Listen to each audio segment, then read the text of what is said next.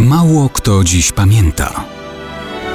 Datownik historyczny prezentuje Maciej Korkuć.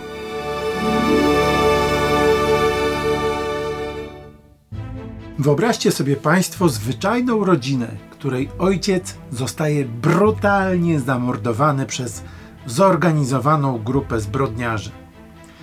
Ci, żeby lepiej zatrzeć ślady po jego śmierci, odnajdują wszystkich członków jego rodziny.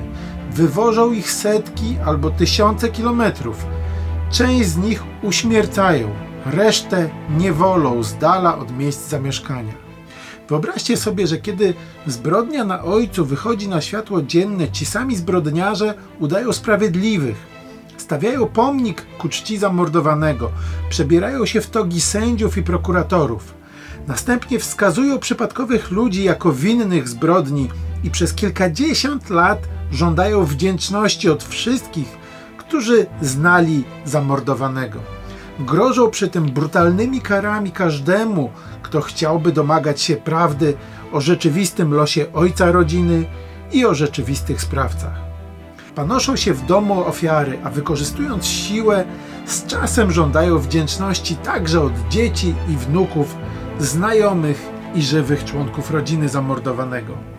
Na koniec wyobraźcie sobie Państwo, że takich zamordowanych ojców jest więcej, że są zabijani dzień w dzień, indywidualne, pojedyncze zbrodnie zorganizowane taśmowo 10, 20, 50, 100, 1000, 10 tysięcy. W sumie liczba zamordowanych przewyższa 22 tysiące osób. Taki wymiar miała zbrodnia katyńska, którą dzisiaj przypominamy w rocznicę jej ujawnienia. Kiedy NKWD zakończyło procedury mordu, zajęło się wywożeniem na Sybir i wyniszczaniem rodzin ofiar. Kiedy zbrodnie ujawniono, Sowieci ubierali się w kostium sprawiedliwych, fałszowali dokumenty, ekshumacje, a w Norymberdze próbowali skazać jako sprawców ludobójstwa zupełnie niewinnych ludzi.